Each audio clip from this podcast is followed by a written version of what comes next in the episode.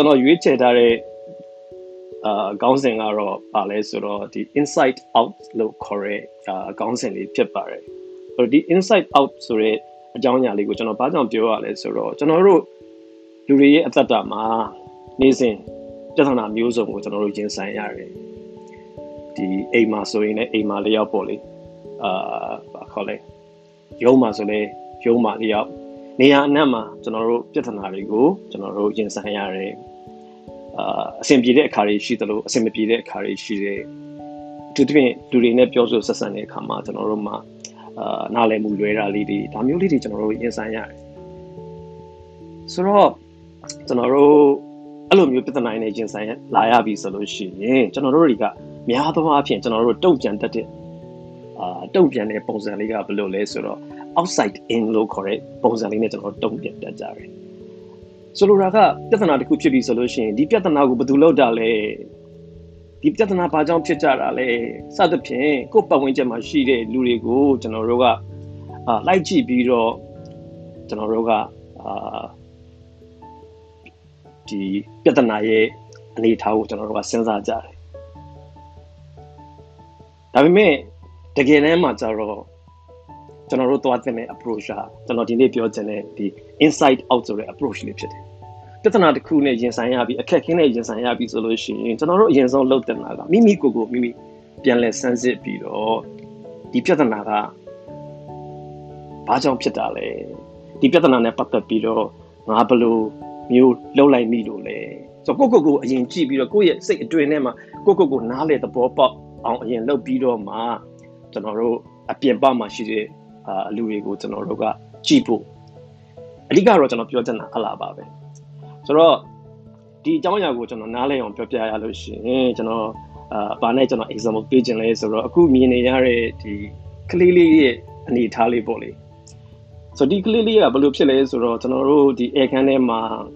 ရှောက်သွားတယ်သူကဟိုလမ်းမလျှောက်တတ်တဲ့အခါကျတော့တွားသွားပြီးတော့ဖင်တရွတ်တိုက်လေးနဲ့သွားရတာပေါ့တွိုင်းတွိုင်းနဲ့ကလေးတပါဝါရှောက်သွားရင်သူကဒီအာစပွဲခုံတစ်ခုရဲ့အောက်ထဲကိုရောက်သွားတယ်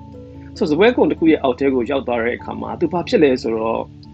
သူလန့်သွားတယ်ဘာလို့ဘေးဒီပတ်ဝန်းကျင်ကိုကြည့်လိုက်တဲ့အခါမှာသူကဟို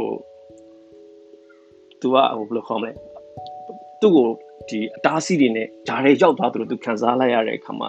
သူပြန်ထွက်ချင်တယ်ဒီရောက်သွားတဲ့ခုံအောက်ကလည်းအဲ့မဲ့သူစူးစမ်းတဲ့အခါမှာထွက်ဖို့စူးစမ်းလိုက်တိုင်းဒီစပွဲခုံရဲ့နေရန်နေနဲ့အာတိုင်နေနဲ့တိုက်မိပြီးတော့သူ့မှာနာကျင်ရတယ် အဲ့ဒီခါမှာသူရန်ထိတ်လန့်ပြီးတော့သူငိုတယ်ပေါ့လေဆိုတော့ဒီအရာကိုကျွန်တော်ဘာကြောင့်အဲ့လိုပြောပြရလဲဆိုတော့ကျွန်တော်တို့ရဲ့အသက်တာမှာလည်းတခါစလို့ရှိရင်အခက်အခဲတွေနေချင်းဆိုင်တဲ့အခါမှာ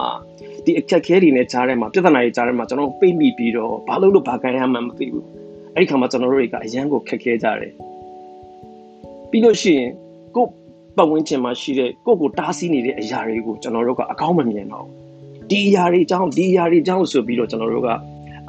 ဘယ်လိုခေါ်မလဲ အမြင်ရှိတတ်ကြတယ်အခုပုံထဲမှာပြရတဲ့ကလေးဆိုလို့ရှိရင်သူပိတ်မိနေတယ်သူ့ကိုပိတ်မိနေအောင်လုပ်ထားတဲ့ဒီဘာခေါ်လဲစပွဲယူကိုသူအပြစ်တင်နေမှာဖြစ်တယ်ဒီစပွဲယူကြောင့်ငါထွက်လို့မရဘူးစသဖြင့်သူစပွဲယူကိုသူအပြစ်တင်မိမယ်လို့ကျွန်တော်ထင်တယ်ဒါပေမဲ့တကယ်တမ်းပြန်စဉ်းစားကြည့်လို့ရှိရင်ဒီစပွဲအောက်ကိုရောက်လာတာသူဘလို့ပြန်ထွက်ရမလဲဆိုတာကိုလည်းနားမလဲတာသူတကယ်တမ်းပြဿနာဖြစ်နေတာသူဒါပေမဲ့သူက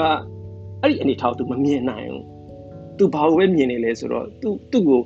အာထွက်လို့မရအောင်ချုပ်ထားပါတယ်ဆိုတော့ဒီစပွဲခုံယူကိုပဲသူအနေနဲ့အပြစ်တင်ပြီးတော့သူငိုယိုနေတဲ့သဘောတရားလေးပေါ့လေဆိုတော့အဓိကဒီနေ့ကျွန်တော်ပြောပြချင်တဲ့သဘောတရားကအဲ့ဒီသဘောတရားပဲကျွန်တော်တို့တွေပြဿနာကိုရင်ဆိုင်တဲ့အခါမှာအခက်အခဲတွေကိုရင်ဆိုင်တဲ့အခါမှာဒီပြဿနာရဲ့အရင်းမြစ်ကကိုယ်ဆိုတာကိုနားမလည်ခြင်းမရှိဘဲနဲ့ကိုယ့်ကိုအခက်အခဲတားဆီးတွေဖြစ်အောင်လုပ်နေတဲ့အရာတွေပေါ်မှာသွားပြီးတော့ကျွန်တော်တို့က အာကြည်တက်ကြတယ်အပြစ်တင်ကြတယ်အဲ့ဒီသဘောတရားလေးတွေပေါ့လေဆိုတော့ဒီအရာကိုကျွန်တော်တို့ကအာဘာလို့ခေါ်လဲဆိုတော့ဒီ self deception လို့ခေါ်တယ်ကိုကိုကိုလိမ့်နေအာကိုကိုကိုဘယ်လိုခေါ်မလဲလိမ့်လေလက်ဖြားခြင်းလို့ခေါ်မှာပေါ့နော်ဆိုတော့ဒီဒီနေ့ကျွန်တော်ပြောချင်တဲ့အဓိကအကြောင်းရင်းကတော့အဲ့ဒီ self deception ဆိုတဲ့အကြောင်းအရာလေးပဲဖြစ်တယ်ကိုကိုကိုအမြင်ကိုအမြင်အရှိကိုအရှိတိုင်းမမြင်နိုင်ဘဲနဲ့ ကိုယ့်ရဲ့မျက်စိတွေကိုပိတ်ထားမယ်နော်အထူးသဖြင့်ဒီ box label လေးတန်းတော့နေရန်နေကြားတဲ့အခန်းထဲကိုရောက်သွားမယ် box တွေကိုရောက်သွားပြီးတော့ကိုယ့်ရဲ့အမြင်တွေကိုပိတ်ဆို့ထားပြီးတော့အမှန်ကိုအမှန်တိုင်းမမြင်နိုင်ပဲနဲ့ကိုယ့်ရဲ့ဒီနိုင်ငံလေးဖက်တဲ့မှာရှိတဲ့ကိုယ့်ရဲ့ box ထဲမှာရှိတဲ့ကိုယ့်ရဲ့အဖြစ်ပြက်လေးကိုပဲအမှန်လို့ထင်ပြီးကိုယ့်ကိုယ်ကိုလိမ့်နေလက်ပြတဲ့သဘောတရားလေးအဲ့လာကိုကျွန်တော်အဓိကထားပြီးတော့အာပြောပြချင်တာဖြစ်ပါတယ်ဆိုတော့ဒီအရာကိုကျွန်တော် ပြောပြရမယ်ဆိုလို့ရှိရင်ပထမဦးဆုံးကျွန်တော်တို့ဘာကိုနားလေသဘောပေါက်ဖို့လိုလဲဆိုတော့ self deception ဆိုတာဘာကိုပြောတာလဲမိမိကိုယ်ကိုမိမိလိမ်လည်လက်ပြခြင်းเนาะဘာကိုဆိုလိုတာလဲဆိုတော့ဒီဟာကိုနားလေသဘောပေါက်ဖို့အတွက်ကျွန်တော်ဥပမာလေးတစ်ခုနဲ့ပြောပြခြင်းတယ်ဆိုတော့ဒီဥပမာကပါလဲဆိုတော့ဒီကျွန်တော်တို့1800အလဲပိုင်းလောက်ပေါ့လေအဲ့ဒီတုန်းကဒီဆရာဝန်ကြီးတယောက်ရှိတယ်เนาะဒီ German လူမျိုး Hungary ဆရာဝန်ပေါ့လေသူကအာ ဒီဘာခေါ်လဲဘာဖွာဆရာဝန်တယောက်ပေါ့သူ့နာမည်ကတော့ Ignac Summer Vice ဆိုပြီးတော့ကျွန်တော်တို့သိရတယ်ဆိုတော့ဒီဆရာဝန်ကကျွန်တော်တို့ဒီစေပညာသမိုင်းမှာဆိုလို့ရှိရင်လူတော်တော်များများလဲအာသိကြတယ်ဆိုတော့ကျွန်တော်ဒီစာအုပ်လေးကိုသူ့အကြောင်းကိုဖတ်ရတဲ့အခါမှာလဲကျွန်တော်အရန်ကိုသဘောကျတယ်အခုကျွန်တော်ဒီနေ့ပြောချင်တဲ့အကြောင်းအရာနဲ့လည်းအများကြီးဆက်ဆက်မှုရှိတယ်ဆိုတော့သူကဗမာအလုပ်လုပ်တာလဲဆိုတော့ဒီ Austria နိုင်ငံ Vienna ဒီ General Hospital မှာအထွေထွေအာဘာခေါ်လဲဆေးရုံမှာပေါ့လေသူကအလုပ်လုပ်တယ်ဆိုတော့ဒီ Vienna ဒီ General Hospital ကသူကဘာခေါ်လဲဆိုတော့ဒီလူနာတွေကိုကုသရုံနဲ့မကဘူးသူကဘာဘာလုပ်တယ်လဲဆိုတော့ဒီ research เนาะသူတေသနာကိုဘာလုပ်တယ်ဆေးရုံတရုံဖြစ်တယ်ဆိုတော့သူတေသနာဆိုတော့ဒီဆေးဘက်ဆိုင်ရာလေ့လာမှုတွေပေါ့လေအလားကိုသူတို့လေ့လာတယ်ဒီ1800လေပိုင်းဆိုတော့ဆေးပညာအားဖြင့်တော့ဒီလောက်ကြီး အာမကျေပြန့်သေးဘူးဆိုတော့ဆရာဝန်တွေကဒီဆေးပညာနဲ့ပတ်သက်ပြီးတော့ပုံမသိပုံမနားလေအာတက်ကြွလာအောင်လို့သူသူတေသနာလုပ်တယ်ဆိုတော့ဒီဆေးရုံကခုနပြောတဲ့လူနာတွေကိုကုယုံနေမကဘူးကျွန်တော်တို့ဒီသူတေသနာလုပ်တဲ့ဆေးရုံပေါ့လေဆိုတော့အဲ့ဒီဆေးရုံမှာဘာတွေဖြစ်လဲဆိုတော့ဒီ supervise အလုပ်လုပ်တဲ့အာတာဝန်ယူတဲ့ဒီ ward အဆောင်မှာဒီဘာခေါ်လဲမိဖွားတဲ့ လူနာတွေသေတဲ့နှုံးကအရန်ကိုမြင့်တက်10ယောက်မှာ10ယောက်ကလေးလာမွေးပြီဆိုလို့ရှိရင်တစ်ယောက်ကသေတယ်ဆိုတော့ဘာကြောင့်မှန်းလည်းမသိဘူးသေတဲ့နှုံးကတော့အရန်များတယ်ဆိုတော့အဲ့ဒီအဲ့ဒီကတော့ကတော့ဒီပြဿနာကိုသူတို့သေချာမသိဘူးပေါ့လေဆိုတော့နောက်ပိုင်းမှာတော့ကျွန်တော်တို့ကအဲ့ဒီသေရတဲ့အာအကြောင်းရင်းကိုနောက်ပိုင်းမှာတော့ကျွန်တော်တို့သိတာပေါ့အဲ့လောက်ကိုကျွန်တော်တို့ဘာလို့ခေါ်လဲဆိုတော့ child bed fever လို့ကျွန်တော်တို့ခေါ်တာပေါ့ဒီမိတွင်းမှာဒီမိဖွားတဲ့မိခင်ကနော်ဒီကိုပူကိုရီအရန်ပူပြီးတော့ ဒီဘာခေါ်လဲနာကျင်ကြိုက်ခဲပြီးတော့ဒီမိတွင်းထဲမှာပဲဆုံးသွားတက်လေရှိတဲ့ယောဂတစ်မျိုးပေါ့လေ child bed fever ဆိုတာဆိုတော့အဲ့ဒီယောဂကိုခံစားပြီးတော့အေးဆေးရုံဒီ summer vice အလုပ်လုပ်တဲ့အဆောင်မှာရှိတဲ့အာဒီလူနာတွေကကျွန်တော်တို့အယောက်10ယောက်လာမွေးပြီဆိုလို့ရှိရင်တယောက်သေးတယ်။ဘာကြောင့်မလဲမသိဘူး။ဆိုတော့ဒီ summer vice အလုပ်လုပ်တဲ့ ward เนาะအဲ့ ward က ဒီဆရာဝန်တွေဦးစီးတဲ့အာအဆောင်ဖြစ်တယ်။ဆိုတော့အဲ့ဒီအဆောင်မှာဆိုလို့ရှိရင်ကျွန်တော်ခုနပြောသလိုပဲ10ယောက်ကလေးမွေးပြီဆိုရင်တယောက်ကသေးတယ်ဆိုတော့အဲ့အဆောင်မှာလာတက်တဲ့လူနာတွေကအခြားဆောင်တစ်ခုကိုပြောင်းပေးဖို့အမြဲတမ်းလို့တောင်းဆိုလေးရှိတယ်ဘယ်ဆောင်ကိုသူတို့ပြောင်းကျင်လဲဆိုတော့ကျွန်တော်တို့ ဒီစိတ်ယုံထဲမှာပဲနောက်ထပ်အဆောင်တစ်ခုအဲ့ဒီအဆောင်ကိုကျတော့ဘယ်သူမှကြီးကြပ်တယ်လဲဆိုတော့ဒီ midwife လို့ခေါ်တဲ့ဒီပါပွားဆရာမတွေပါပွားဆရာမတွေဦးဆောင်တဲ့အဆောင်ကိုပြောင်းကျင်ကြတယ်။ဘာကြောင့်လဲဆိုတော့အဲ့ဒီတားပွားဆရာမတွေဦးဆောင်တဲ့အဆောင်ကြတော့လူသိနှုံးကခုနဆရာဝန်တွေဥဆောင်တဲ့နေရာတော့မများဘူးအယောက်90မှာမှတစ်ယောက်ပဲတည်တယ်ဆရာဝန်တွေဥဆောင်တဲ့နေရာ10ယောက်မှတစ်ယောက်တည်တယ်ဆိုတော့သူတို့ဘာကြောင့်အဲ့လို ဖြစ်နေမှန်းလဲသူတို့မသိဘူးဒီအဆောင်တစ်ခုကိုလည်းသူတို့ condition တွေကိုတူတူထားတယ်နော်အာအကုန်လုံးကိုတပုံစံနဲ့ဖြစ်အောင်ထားတယ်ဒါပေမဲ့သိတဲ့နှုံးကတော့ဒီဆရာဝန်တွေဦးစီးတဲ့အဆောင်ကပိုများနေတာကိုသူတို့တတိထားမိတယ်ဆိုတော့ဒီလိုနဲ့အာတနေ့ကျတော့ဒီ summer voice ကဒီခွင့်လေးလာလောက်သူယူသွားတယ်တခြားစေယုံတီယုံမှာသွားပြီးတော့သူအလုပ်သွားလုပ်ဖို့အတွက်သူအာခွင့်လေးလာလောက်ယူသွားတယ် ဆိုတော့အဲ့ဒီအချိန်မှာဘာလို့ဖြစ်လာလဲဆိုတော့သူခွင့်လေးလာလောက်သွားတဲ့အချိန်မှာသူဦးစီးခဲ့တဲ့ဆရာဝန်တွေဦးစီးတဲ့အဆောင်မှာလူသိန်းလုံးကတိတိတတ်တာလေးကြာသွားတယ်သူမရှိတဲ့လေးလာမှာဆိုတော့ဘာကြောင့်မှသူတို့မသိဘူးဆိုတော့ဒါပေမဲ့နောက်ပိုင်းမှာဒီ supervisor သူပြန်လာတဲ့အခါမှာသူဘာလို့သတိထားမိလဲဆိုတော့ဒီဆရာဝန်တွေက ဒီသားဖွားဆရာမတွေနဲ့မတူဘူးသူတို့ကဒီလူနာတွေကိုသူတို့ကုပြီးတဲ့အခါကျလို့ရှိရင် treatment ပေးပြီးတဲ့အခါကျရင်သူတို့ကသားဖွားဆရာမတွေလို့သူတို့ကဟိုလုပ်ငန်းပြီးသွားတာမဟုတ်ပဲねသူတို့ကဘာလို့ဒီ cadavers လို့ခေါ်တဲ့ဒီလူသေးရုပ်အလောင်းတွေကိုခွဲစိတ်ပြီးတော့ဒီသူတေသနာပြုတဲ့အလုပ်ကိုသူတို့ကဆက်လုပ်ကြတယ်ဆိုတော့အဲ့ဒီလူသေးတွေကိုဂိုင်းတွယ်ပြီးတော့ခွဲစိတ်ပြီးတော့သူတေသနာလုပ်တယ် ပြီးလို့ရှိရင်လိုအပ်ရင်လိုအပ်တယ်လို့လူနာတွေကိုပြန်ကြည့်ဆိုတော့ဒီနေရာမှာ summer visor သူဘာလို့တတိထားမိလိုက်လဲဆိုတော့อืมဒီဆရာဝန်တွေလုပ်ပုံကင်ပုံကြည့်လိုက်တဲ့အခါမှာဒီဆရာဝန်တွေကလူနာလဲကြည့်တယ်ဒီရုပ်အာလူတီအလောင်းကိုလည်းခွဲစိတ်တယ်ပြီးသွားလို့ရှိရင်လက်တွေကိုလည်းတတိကျကျဆေးတာမတွေ့ရအောင်ဆိုတော့သူဘာလုပ်လိုက်လဲဆိုတော့အဲ့ဒီသူ့ရဲ့ဆေးရုံမှာသူ policy တစ်ခုကိုသူထုတ်လိုက်တယ်အဲ့ policy ကဘာလဲဆိုတော့ဒီလူနာတယောက်ကိုမကြည့်ခင်မှာ ဒီ chlorine နဲ့ lime အာဖြော်ရည်ထဲမှာလက်ကိုတိတိကျကျဆေးပြီးတော့မှလူနာကိုကြည့်ရမယ်ဆိုပြီးတော့ဒီ policy တစ်ခုကိုထုတ်လိုက်တယ်ဆိုတော့အဲ့ဒီ policy ထုတ်ပြီးတိတ်မကြခင်မှာပဲဘာလို့သတိထားလိုက်မိလဲဆိုတော့အဲ့ဒီဈေးရုံမှာအစီအဝန်းကြီးဦးစီးတဲ့နေရာမှာသေတဲ့နှုံးကအယောက်တရာမှာတယောက်ပဲသေတော့တယ်အရင်တော့က10ယောက်မှာတယောက်သေတဲ့နေရာက အခုအယောက်တရာမှာတယောက်ပဲသေတော့သေတဲ့နှုံးကတိတိကျကျကြာမှာဆိုတော့အဲ့မှာ supervisor ဘာကိုသတိထားလိုက်မိလဲဆိုတော့ဒီဆရာဝန်တွေကနော်သူတို့သူတို့တက်တဲ့ပညာတွေနဲ့အကောင်းဆုံးလူနာတွေကိုပြုစုဆောင်ရှောက်ကြတယ်ဒါပေမဲ့လည်းသူတို့မသိတဲ့ဒီယောဂပုံမွားတွေကိုသူတို့ကပဲသေဆောင်နေတာဖြစ်တယ်ဆိုတာကိုသူတို့သူနားလည်လိုက်တယ် ဆိုတော့နောက်ပိုင်းမှာဆိုလို့ရှိရင်သူကအဲ့အဲ့ဒီတွေ့ရှိချက်ကနေပြီးတော့သူအာ jumps theory ဆိုပြီးတော့သူထုတ်ပြီးတော့ဒီစိတ်ပညာလောကမှာအပြောင်းလဲကြီးတစ်ခုကျွန်တော်တို့ဖြစ်သွားတာပေါ့လေဆိုတော့ဒီနေရာမှာကျွန်တော်ဘာလို့အဓိကပြောပြချင်လဲဆိုတော့ဒီဆရာဝန်တွေကသူတို့အကောင်းဆုံးသူတို့စ조사ကြတယ်နော်သိတဲ့အတိတက်တဲ့ပညာတွေနဲ့ဆရာဆရာဝန်တွေကလူနာတွေကိုအကောင်းဆုံးပြုစုကြတယ်ဒါပေမဲ့လေသူတို့ရဲ့ခန္ဓာကိုယ်ထဲမှာ ဒီယောဂပုံမွားတွေကကပ်ပါလာပြီးတော့အဲ့ယောဂပုံမွားကြောင့်ပဲသူတို့ပြုစုကုသပေးတဲ့လူနာတွေအသက်အန္တရာယ်ဆုံးရှုံးရတယ်ဆိုတော့ကျွန်တော်ဒီမှာဘာဥပမာပြန်ယူခြင်းလဲဆိုတော့ကျွန်တော်တို့တွေလည်းဒီတိုင်းပဲကျွန်တော်တို့တွေရဲ့အသက်တာမှာကိုကတော့အကောင်းဆုံးကျွန်တော်တို့စူးစမ်းတယ်အကောင်းဆုံးလုပ်လိုက်တယ်အကောင်းဆုံးဖြစ်မဲ့ထင်ပြီးတော့ကျွန်တော်တို့လုပ်ကြတယ်နော်ကိုသားသမီးတွေကိုဆုံးမတာကစ နော်ကိုတပည့်သားချင်းတွေကိုပြောတာကစကိုကတော့ကောင်းမဲ့ထင်ပြီးလုပ်လိုက်တယ်ဒါပေမဲ့ကိုမသိတဲ့အရာကကိုယ့်ရဲ့လုပ်ရဲ့ကိုယ့်ရဲ့အပြုမှုကိုယ့်ရဲ့အပြောဆိုတွေကခုနပြောသလိုပဲယောဂပုံမွားတွေလိုမျိုးပဲအခြားလူတွေအတွက်နော်ဒုက္ခဖြစ်သွားတာမျိုးလေးတွေကျွန်တော်တို့ကြုံရတတ်တယ်ဆိုတော့အဲ့ဒီသဘောတရားလေးတွေကိုကျွန်တော်တို့ကနားလည်စေချင်တာဖြစ်တယ်ဆိုတော့အဲ့ဒီဟာပေါ်မှာအခြေခံပြီးတော့ကျွန်တော်အခုဘာကိုပြောပြချင်လဲဆိုတော့ the box ဆိုတဲ့အကြောင်းဒီ box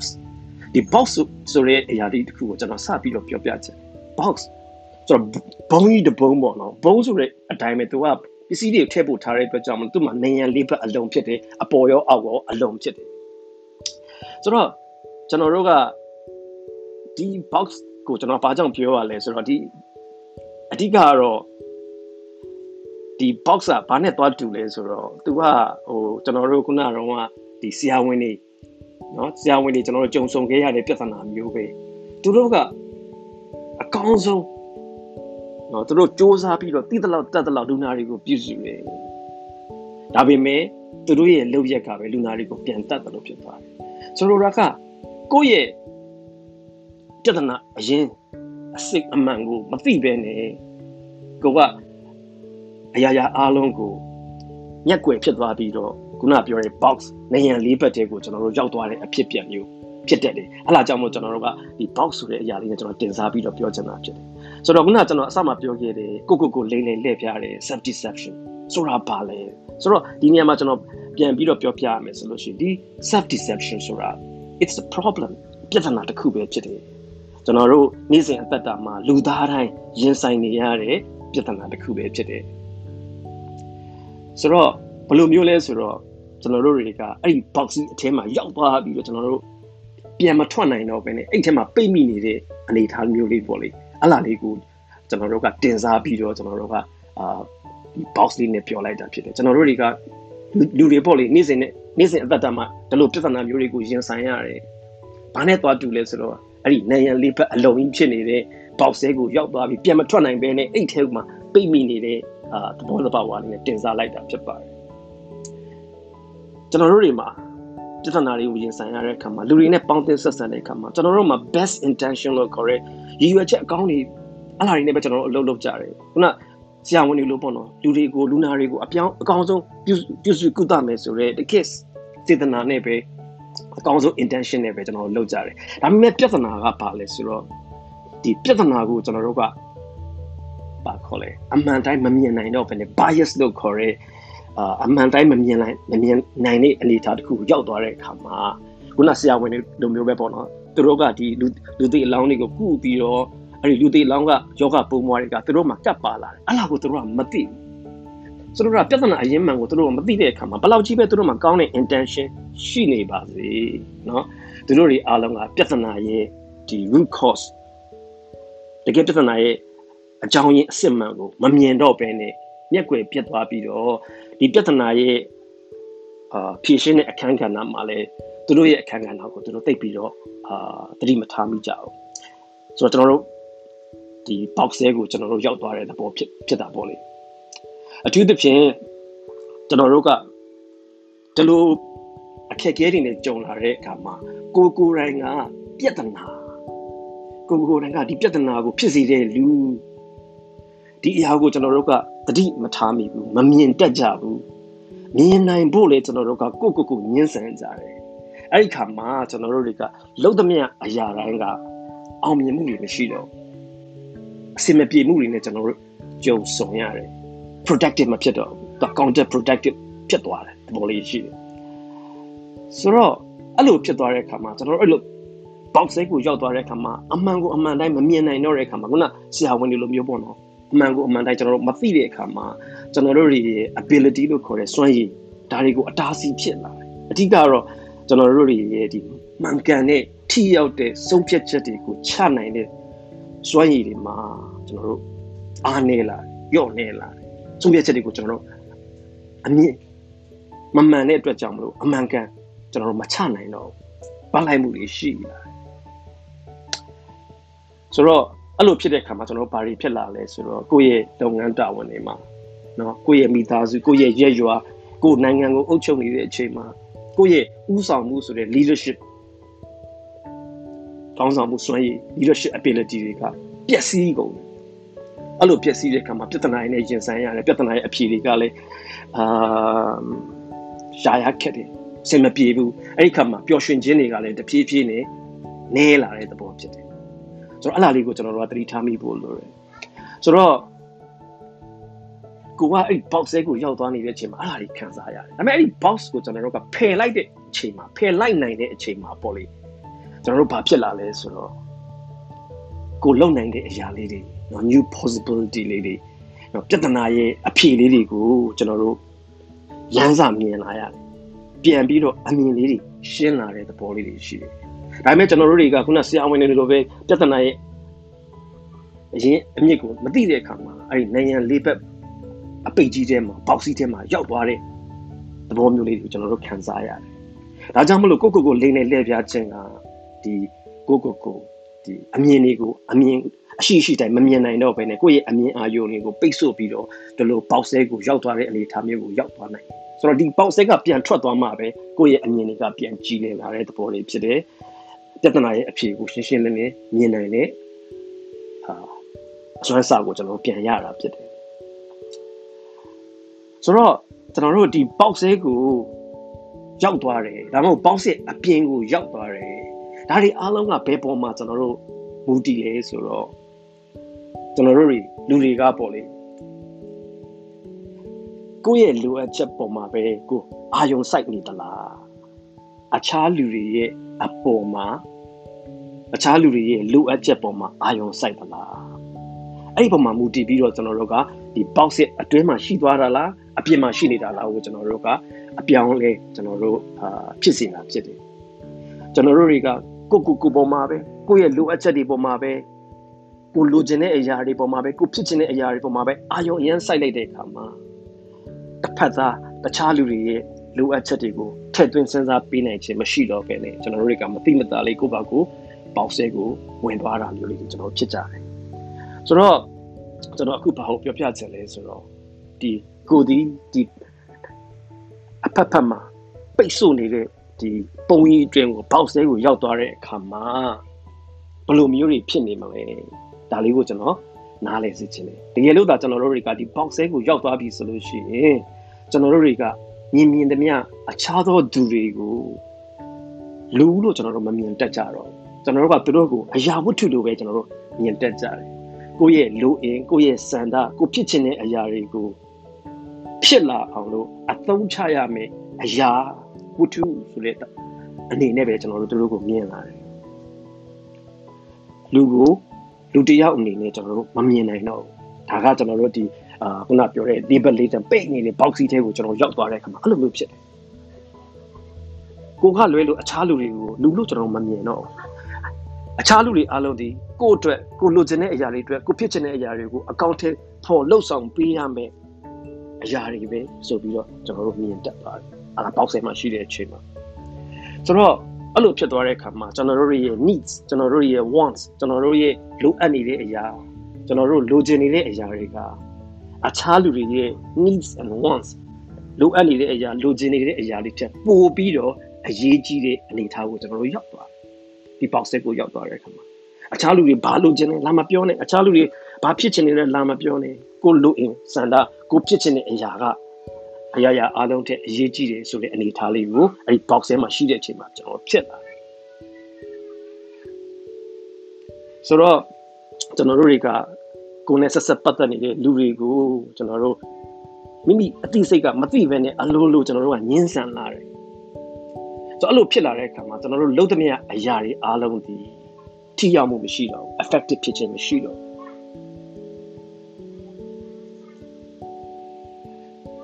အလားကကျွန်တော်တို့ box အထဲမှာရှိနေတဲ့အချိန်မှာ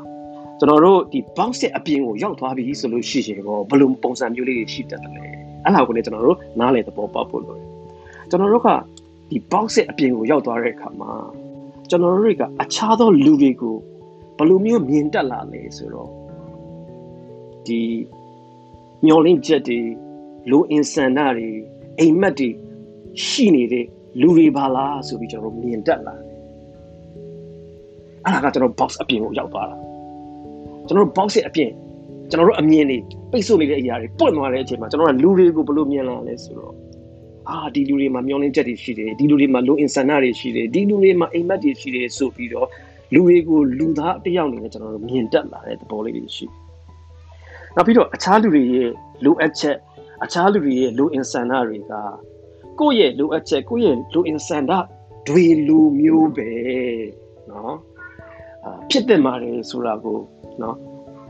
ရှိရဆိုတာတရားပါတယ်ဆိုပြီးတော့ကျွန်တော်တို့ကနားလည်လာတယ်ဆိုတော့ကကိုယ့်ရဲ့လိုအင်ဆန္ဒကိုလိုချင်တာတွေယူပဲခေါင်းထဲထည့်လာတာမဟုတ်အခြားလူတွေရဲ့လိုအင်ဆန္ဒတွေလေမိမိကဲ့သို့ပဲသူတို့မှာအဲ့ဒီလိုလိုအင်ဆန္ဒတွေရှိနေတယ်ဆိုတာနားလည်လက်ခံလာနိုင်တယ်အဲ့ဒါကကျွန်တော် box ရဲ့အပြင်ကိုရောက်သွားတဲ့အခါမှာအဲ့လိုဖြစ်လာတဲ့အခါမှာကိုယ်နဲ့ဆက်ဆက်ပတ်သက်နေတဲ့လူတွေကလည်းနော်ကိုယ့်ရဲ့ဒီလောက်ရက်ကိုယ့်ရဲ့ရည်ရွယ်ချက်တွေကိုနားလည်သဘောပေါက်လာပြီးတော့ အပြုသဘောဆောင်ပြီးတော့ကိုယ်ပြန်ပြီးတော့တုံ့ပြန်လာတတ်ကြတယ်ဆိုတော့ကျွန်တော်တို့လူတွေနဲ့ပေါင်းတင်ဆက်ဆံတဲ့အခါမှာအများကြီးအဆင်ပြေလာတယ်ကိုဘောက်စ်ရဲ့အပြင်ကိုရောက်သွားတဲ့အခါမှာဆိုတော့ box ရဲ့အတွင်းထဲမှာဘယ်လိုရှိနေတယ်လဲ box အပြင်ကိုရောက်တဲ့အခါမှာဘယ်လိုရှိတယ်လဲဆိုတာကိုကျွန်တော်တို့ကျွန်တော်ခုနရှင်းပြခဲ့သလိုပဲကွက်ကွက်ပြပြလေးနားလေတဲ့ပုံပေါက်သွားတဲ့အခါမှာကျွန်တော်တို့ box ထဲမှာရှိနေတဲ့အချိန်ကကျွန်တော်တို့အတွက်မကောင်းဘူးခုနဆရာဝန်တွေလိုပဲကိုကိုတိုင်က ယောဂပိုးတွေသင်နေတယ်ဒါပေမဲ့ကိုကိုတိုင်ယောဂပိုးတွေသင်နေတော့ကိုမသိဘဲနဲ့ဒီလူနာတွေကိုကူးပြီးတော့လူနာတွေသေရတယ်အဲ့ဒါကကျွန်တော်တို့ကိုယ့်ရဲ့အမြင်ကွဲပြီးကိုကိုကိုလိန်နေလက်ဖျားနေလို့ဖြစ်သွားတယ်ဒါပေမဲ့ box အပြင်ကိုရောက်သွားလို့ရှိရင်တော့အဲ့လိုမဟုတ်တော့ဘူးပြဿနာရဲ့အရင်အမြင့်ပြဿနာဖြစ်ရတဲ့အကြောင်းရင်းကိုနားလည်သဘောပေါက်ပြီးတော့အဆင်ပြေတာတွေအများကြီးဖြစ်သွားတယ်ဆိုတော့ကျွန်တော်တို့မေးရမယ့်မေးခွန်းကဘာကြောင့်မလို့ဘလို့လုတ်ပြီးတော့ဒီ box ကိုကျွန်တော်တို့ရောက်သွားတာလဲ how do we get into the box ဒီ box ကိုကျွန်တော်တို့ဘလို့ရောက်သွားတာလဲအဲ့ဒီအရာကအရင်ရေးကြည့်တယ်ကျွန်တော်တို့တွေဒါတွေကိုတည်တည်ချာချာလေးနားလည်သဘောပေါက်ဖို့လိုတယ်ဆိုတော့ဒီ ဒီ box ကကျွန်တော်ခုနရှင်းပြသလိုပဲသူကဥပမာတစ်ခုကိုတင်စားထားတာဖြစ်တယ်ဘယ်လိုဥပမာမျိုးလဲဆိုတော့ကျွန်တော်တို့ကကိုကလွဲပြီးအခြားလူတွေကိုဘယ်လိုမျိုးညင်းဆိုနေသလဲဘယ်လိုမျိုးလက်မခံဘဲနဲ့ကျွန်တော်တို့ညင်းဆိုနေသလဲเนาะကျွန်တော်တို့ရဲ့အမြင်အာရုံတွေကို꿰ပြီးတော့ပိတ်ထားတယ်လေ အဲ့လာကိုတင်စားပြီးတော့ကျွန်တော်တို့ကခုနပြောတဲ့ box နဲ့တင်စားလိုက်တာ box ကိုရောက်သွားတဲ့အခါမှာပြင်ပကိုမမြင်ရတော့ကိုရဲ့ဒီ box ရဲ့နေရန်ကြီးပဲကျွန်တော်တို့မြင်ရတယ်တော့အဲ့လာကိုကျွန်တော်တင်စားလိုက်တာအဓိကတော့ဘာလဲဆိုတော့ကိုကတခြားလူတွေကိုကောင်းကောင်းမမြင်တော့ဘူးကိုအတွက်ပဲကိုမြင်တော့တယ်ဆိုတဲ့အနေအထားမျိုးပေါ့လေဆိုတော့ကျွန်တော်တို့တွေကအခြားလူတွေကိုအတွက်အာအခြားလူတွေကသူတို့အတွက်ပေါ့လေလှုပ်ပေးစေခြင်းတဲ့ဆန္ဒလူသားတစ်ယောက်အနေနဲ့သူတို့လှုပ်ပေးခြင်းနဲ့ လုပ်ပေးစေချင်တဲ့အရာလေးတွေကိုကိုကိုပြောဆိုလာတဲ့အခါမှာကိုကိုတောင်းဆိုလာတဲ့အခါမှာကျွန်တော်တို့ဒီကဒီ box ကိုရောက်သွားတဲ့အခါမှာကျွန်တော်တို့ကတကယ်ကိုပဲနော်ငင်းဆိုကြတယ်မလုပ်ပြီးချင်တော့ဘူးအဲ့ဒီအနေအထားလေးကိုကျွန်တော်တို့အာရောက်သွားတတ်တယ်နောက်တစ်ခုကကြတော့ကျွန်တော်တို့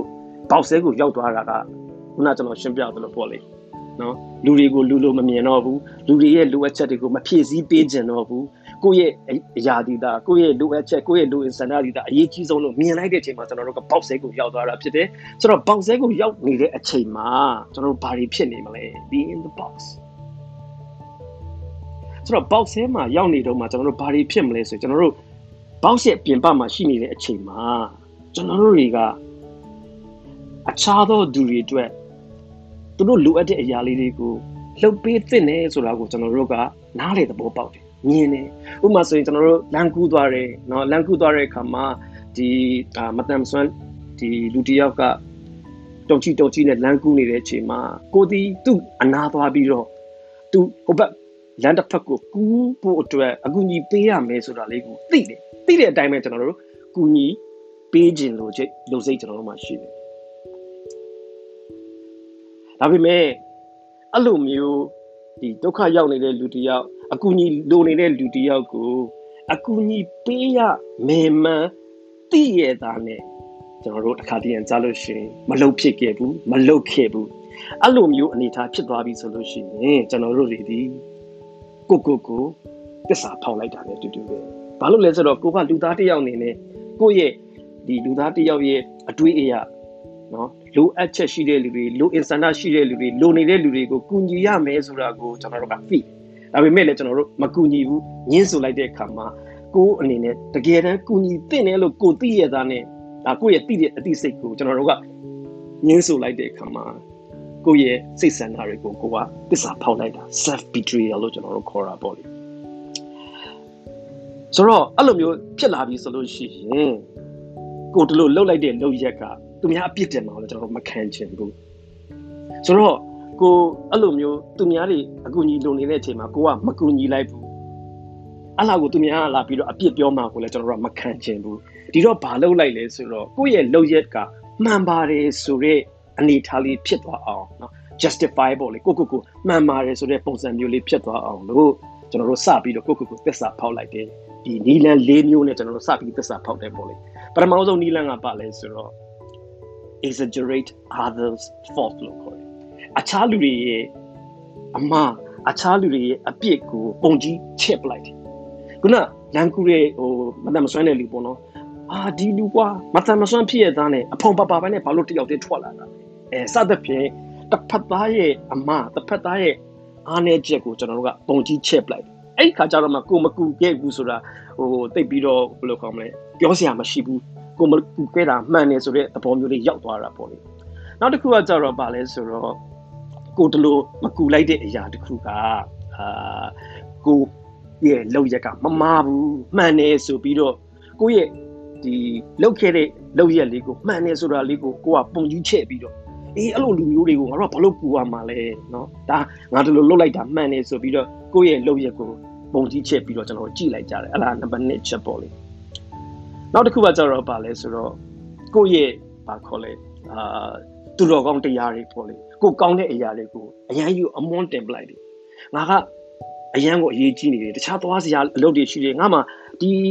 လူကိုကိုပတ်လန်တီကူဖို့အတွက်ငါမှကျွန်တော်ပေးရမယ်ပေးဖို့အတွက်အချိန်မရှိဘူးဒီထက်အရေးကြီးတဲ့အရာတွေငါလုပ်နေတာစသဖြင့်ကိုယ့်ရဲ့ကောင်းတဲ့အရာတွေကိုအရင်ကြီးကျွန်တော်တို့ကပုံကြီးချစ်ပလိုက်တယ်ပြီးတော့တဲ့အခါကျလို့ရှိရင် အဲ့လိုမျိုးဖြစ်သွားတဲ့အရာတွေအားလုံးကိုကျွန်တော်တို့ကအခြားလူတွေကိုကျွန်တော်တို့အပြစ်တင်ပလိုက်တယ်ဒီလိုမတမ်းမစွမ်းတဲ့လူကြီးဘာလို့တယောက်တည်းလမ်းမပေါ့လွတ်လိုက်တာလဲဒီလူတွေတော်တော်မကောင်းဘူးစပြီးကျွန်တော်အပြစ်တင်လိုက်တယ်ဆိုတော့ဒီလေးချက်နဲ့ကျွန်တော်တို့တွေကကိုလှုပ်တဲ့လှုပ်ထိုက်တဲ့အရာတွေကိုကျွန်တော်တို့မလုပ်ဘဲနဲ့ကိုယ့်ကိုယ်ကိုသစ္စာဖောက်လိုက်တဲ့အရာကမှန်ပါတယ်ဆိုတဲ့အနေအထားလေးဖြစ်သွားအောင်လို့ကျွန်တော်တို့ကလုပ်တတ်ကြတယ် ဥပမာဆိုလို့ရှိရင်ကျွန်တော်တို့ဒီကလေးငယ်ရှိတဲ့လင်မယားတွေဆိုရင်ကျွန်တော်တို့သဘောပေါက်လိမ့်မယ်ညဘက်လင်မယားနေအောင်အေးအဲ့ချိန်မှာကလေးတွေကထားပြီးတော့ငိုငိုစားလို့ဆိုတော့ယောက်ျားလုပ်တဲ့လူကအရင်ဆုံးကလေးငိုတန်ကြောင့်နိုးလာတယ်ဆိုတော့သူသိတယ်နော်သူမိမတနေ့ကုန်လုံးကလေးကိုပြုစုစောင့်ရှောက်ပင်ပန်းတယ်ဒါကြောင့်မလို့သူထပြီးတော့ဒီနှုတ်ဘူးလေးဖြော်ပြီးကလေးကိုတိုက်လို့တိုက်တဲ့နေဆိုတဲ့အရာကိုသူသိတယ် ဒါပေမဲ့လည်းအဲ့လိုလှုပ်တဲ့အရာတစ်ခုကိုသူငင်းဆူပြီးတော့ငါအိတ်တော့မယ်ကွာငါမိမထပြီးတော့တော့သူဖြော်တိုက်တော့ဆိုတဲ့အနေအထားဖြစ်သွားတဲ့အခါမှာကျွန်တော်တို့လှုပ်တဲ့နေလို့ကိုသိတဲ့အရာတစ်ခုကိုကိုကငင်းဆူလိုက်တဲ့အခါမှာကိုကိုကိုသစ္စာဖောက်တဲ့အနေအထားတစ်ခုကိုရောက်သွားတယ်အဲ့ဒီခါမှာလေကိုအဲ့လိုလှုပ်လိုက်တဲ့အရာကကိုမှအပြစ်ရှိတယ်ဆိုတဲ့ပုံစံမျိုးမဖြစ်အောင်လို့ကိုလုပ်တဲ့အရာကမှန်တယ်ဖြစ်အောင်လို့ခုနပြောတဲ့လေးချက်ပေါ့လေနော်ဒီ ခုနကျွန်တော်ပြောခဲ့တဲ့လေးချက်ပေါ့အဲ့ဒီတိုင်းပဲကျွန်တော်တို့ပြန်ပြီးတော့အာဘာလုပ်လဲဆိုတော့ဒီမိမနော်ကလေးကဒီအချိန်မှာနှုတ်စာတက်တယ်ဆိုတော့ तू တိတဲ့နေသူ့အနေနဲ့နည်းနည်းလေးထပြီးတော့လှုပ်ပါလားနော်ဖြောပေးပါလားဆိုပြီးတော့ဒီသူ့မိမရဲ့အပြစ်ကိုနော်ကလေးငိုတာကိုမနိုးပဲနဲ့ကလကလမောအိတ်နေပါတယ်ဆိုပြီးတော့အပြစ်တင်ပလိုက်ဆိုတော့မိမရဲ့အပြစ်ကိုတော့ပုံကြီးချက်ပလိုက်တယ်အဲ့ခါမှာ तू ကမထဘူးဆိုတာမှန်သွားတာပေါ့လေ ဆိုတော့ तू မထဘူးဆိုတာမှန်နေဆိုတော့ကိုသူ့ကို तू ကဘာလုပ်လိုက်လဲဆိုတော့ तू ကအာဘာခေါ်လိုက်ဒါဒီအဲ့လိုထမဖြော်ပြီးဘူးဆိုတာမှန်တယ်ဘာကြောင့်လဲဆိုတော့ဒီမိမသူလုပ်ရမယ့်အရာတခုငါကတမီကုန်ယုံသွားတာဒီအိမ်နောင်ရဲ့စာဝတ်နေကြီးကိုငါဥဆောင်နေတာဆိုတော့ဒီအိမ်နောင်ရဲ့လိုအပ်ချက်တွေကိုဖြည့်ဆည်းပေးနေတဲ့အိမ်မနေ့ပြင်ကြလဲယုံသွားရမှာငါကအေးရဆောဆောထဖို့လို့တယ်ဆိုတော့ငါအေးရေးဝဖို့လို့တယ်ဆိုတဲ့သဘောတရားတွေနဲ့သူ့ရဲ့လုပ်ရမှန်တယ်ဆိုတာကိုသူက justify လုပ်လိုက် ပြီးလို့ရှိရင်ခုနကကျွန်တော်ပြောသလိုပဲဟာသူ့ရဲ့လုပ်ရက်တွေเนาะဒီအိမ်အတွက်ကိုသူဘလောက်ဒီဒီတာဝန်ယူနေတယ်လဲဆိုတဲ့သူကောင်းတဲ့အရာတွေကိုသူတွေးပလိုက်တော့တယ်တွေးလိုက်တဲ့ခါမှာခုနသူဒီထပြီးတော့လုပ်ဘူးထမဖြော်ပြီးတဲ့အရာကသူ့ကိုသူမှန်တယ်ဆိုတဲ့ပုံစံဖြစ်အောင်သူကလုပ်ပလိုက်ပြီးလို့ရှိရင်ဒီကလင်းကိုတဲ့အချိန်မှာထမပြောတဲ့မိမကိုသူကအပြစ်တင်ပလိုက်ဆိုတော့ဒီလိုမျိုးဒီလေးချက်နဲ့ပဲကျွန်တော်တို့တွေကကိုလှုပ်တဲ့လှုပ်ထိုက်ရတာနဲ့မလှုပ်တဲ့အရာတွေမှာနော် ကျွန်တော်တို့ကိုကိုကိုညင်းဆိုတဲ့နော် sub betrayal ဆိုတဲ့အနေအထားကိုရောက်သွားတယ်အလားကိုလည်းကိုကအပြစ်ပြောခံရမှာဆိုလို့မှန်နေဆိုတဲ့အရာဖြစ်အောင်လို့အခုကျွန်တော်ရှင်းပြခဲ့တဲ့လေးချက်နဲ့ကျွန်တော်တို့တွေကအာဘာခေါ်လဲလောက်တက်ကြတယ်ပေါ့လေဆိုတော့ကျွန်တော်တို့ကိုကိုကိုတစ္ဆာဖောက်ခြင်း sub betrayal ဒီလူတော်တော်များများလောက်တက်ကြတဲ့အရာလေးတစ်ခုဖြစ်တယ်ဆိုတော့ဒီအရာလေးကိုကျွန်တော်တို့နားလည်ဖို့လိုအပ်တယ်ကိုကိုကို နော်တစ္ဆာဖောက်ပြီးဆိုရင်ဘာတွေဖြစ်တော့မလဲကျွန်တော်ထင်ပါတယ်ကျွန်တော်အပါဝင်နော်လူသားတိုင်းတစ်ချိန်မဟုတ်တစ်ချိန်ဒီ sub betrayal ထဲမှာကျွန်တော်ရောက်သွားတတ်ကြတယ်ဆိုတော့ self betrayal တွေကိုကျွန်တော်တို့ရောက်သွားပြီဆိုရင်ဘာတွေဖြစ်တတ်တယ်လဲဒါလေးကိုကျွန်တော်တို့အာနားလေသဘောပေါက်ဖို့အတွက်ကျွန်တော်အာပြောပြချင်တယ်ကိုကိုကိုကျွန်တော်တို့တစ္ဆာဖောက်လိုက်တယ်နော်ကိုလှုပ်တဲ့လှုပ်ထိုက်ဘာရဲ့နဲ့ကိုမလှုပ်လိုက်ဘူးအဲ့လိုအနေထားမျိုးရောက်သွားတဲ့အခါမှာကျွန်တော်တို့ဘယ်လိုဖြစ်လာလဲဆိုတော့ကျွန်တော်တို့ နော်ကိုယ့်ရဲ့လူတွေလူတွေမှာပေါ့လေစိတ်စိတ်ထဲမှာကောင်းတဲ့စိတ်နဲ့မကောင်းတဲ့စိတ်နော်အခုကျွန်တော်ပုံထဲမှာပြထားသလိုပေါ့လေအာဒီ angel လေးရဲ့ဒီဘက်က devil လေးရဲ့ဒါကျွန်တော်တို့စိတ်ထဲမှာအမြဲတမ်းရှိတယ်အဲ့ဒီတစ်ခုကအမြဲတမ်းလွန်ဆွဲနေတာကောင်းတဲ့စိတ်ရဲ့မကောင်းတဲ့စိတ်ရဲ့ဆိုတော့ကျွန်တော်တို့ကကိုကိုကို self betrayal နော်ကိုကိုသစ္စာဖောက်ပြီဆိုလို့ရှိရင်ကိုအနေနဲ့တခြားသောလူတွေအတွက်ကောင်းတာလေးတွေလုပ်ပေးသင့်တယ်လို့ ဒီကောင်းတဲ့စိတ်ကထင်နေပေမဲ့သူ့ရဲ့စင်ကျင်ဘက်နော်မကောင်းတဲ့စိတ်ရဲ့နော်တွန်းပို့ခြင်းတွေပဲကျွန်တော်တို့လှုပ်လေလှုပ်ထားရှိတယ်ကိုကအဲ့ဒီ set betrayal တွေကိုရောက်သွားလို့ရှိရင်အဲ့ဒီခါမှာကျွန်တော်တို့ဘာဖြစ်လာလဲဆိုတော့ကိုလှုပ်သမျှအရာတွေကိုကိုကိုကိုအတင်းမှန်ပလိုက်တော့တာနော်ဆိုတော့ကိုယ့်ရဲ့ဘေးပတ်ဝန်းကျင်မှာ နော်ရှိသမျှအရာအားလုံးကိုတော့ဘယ်လိုမျိုးမြင်လိုက်လဲဆိုတော့ကိုလှုပ်ခဲ့တဲ့လှုပ်ရဲ့အဲ့လိုမျိုးကိုလှုပ်တဲ့လှုပ်ထိုက်တဲ့နဲ့မလှုပ်လိုက်တဲ့အရာလေးကမှန်ပါတယ်ဆိုတဲ့ပုံစံမျိုးနဲ့ကိုယ့်ရဲ့လှုပ်ရက်ကမှန်တယ်ဆိုတဲ့သဘောလေးကိုမြင်လာအောင်လို့သူတို့စပြီးတော့သူတို့လှုပ်တက်ကြတယ်သူတို့ဆိုတာကျွန်တော်တို့ပါဝင်ပေါ့လေအဲ့လိုလှုပ်တက်ကြတယ်ဒါ set p3 ရဖြစ်တဲ့အခါမှာပြီးလို့ရှိရင်အဲ့လိုမျိုးကိုကိုကိုကျွန်တော်တို့ betray လုပ်လိုက်တဲ့အခါမှာသစ္စာဖောက်လိုက်တဲ့အချိန်မှာကျွန်တော်တို့ရဲ့အမြင်တွေကမှုံဝါသွားတယ် အမှန်ကိုအမှန်တိုင်းမမြင်တော့ဘူးကိုအနေနဲ့လှုပ်သိလှုပ်ထိုက်တဲ့အရာကိုကိုမလှုပ်လိုက်တာကပဲမှန်တယ်ဆိုတဲ့သဘောမျိုးကိုကိုကိုကိုအရင်လှည့်ဖျားလိုက်တယ်ဒါကြောင့်မို့ကျွန်တော် self deception ဆိုတာအလားကိုပြောတာနော်ကျွန်တော်တို့ကိုကိုကိုလှည့်ဖျားလိုက်တယ်